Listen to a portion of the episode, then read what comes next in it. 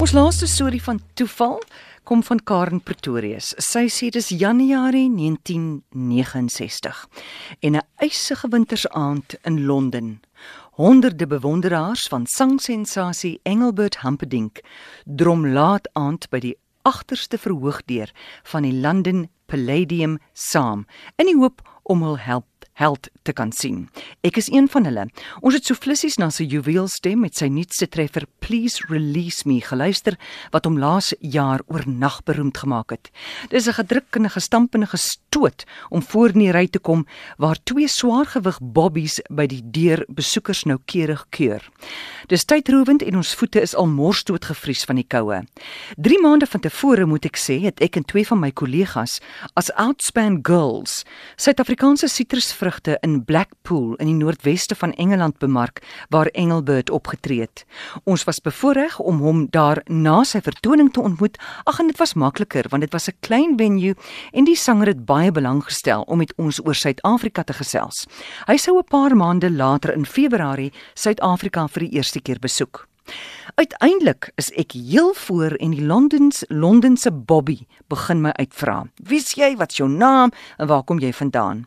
Ek het besef dat Engel dis soos hy graag na homself verwys, nie my naam sou onthou nie en daarom het ek 'n slim plan bewimpel. Deel van ons bemarkingsmateriaal was 'n sleutelhouer met die naam Outspan daarop en 'n oranje lemoen. Ons het so 'n sleutelhouer aan Engel as aandenking in Blackpool aan hom gegee. Daarom sê ek vir die Bobby, "My name is Karen and just give Engel this keyring. He'll remember it." Die streng man kyk die houertjie so, trek sy skouers op en daar gaan die verskriklike groot man met die kleinste sleutelhouertjie na binne en ek hou my asem op. Na 'n minuut, wat soos 'n ewigheid gevoel het, kom hy terug met die apparaatjie omhoog en sê ek kan maar binne gaan. My hart klop in my keel en net toe ek die reëlende skare my weg baan, druk iemand 'n boekie in my hande en die gesiglose stem vra of ek asseblief haar held se handtekening vir haar sal kry. In Engelse sitkamer is dit gesellig en warm met heelwat gaste, maar hy staan baie hoflik tyd aan my af. Lag oor die sleutelhouertjie, vra uit na my werk en sê hy's opgewonde oor sy besoek volgende maand in Suid-Afrika. Gelukkig onthou ek darm van die boekie en sy handtekening voordat ek vertrek. By die uitgang is dit steeds 'n warboel van mense en ek hou die boekie omhoog en die gesiglose bewonderaar is in ekstase en neem dit met 'n dankie dankie dankie en ek kan maar net hoop dis die regte eienaar. 'n Jaar later, Januarie 1970, keer ek terug na Suid-Afrika.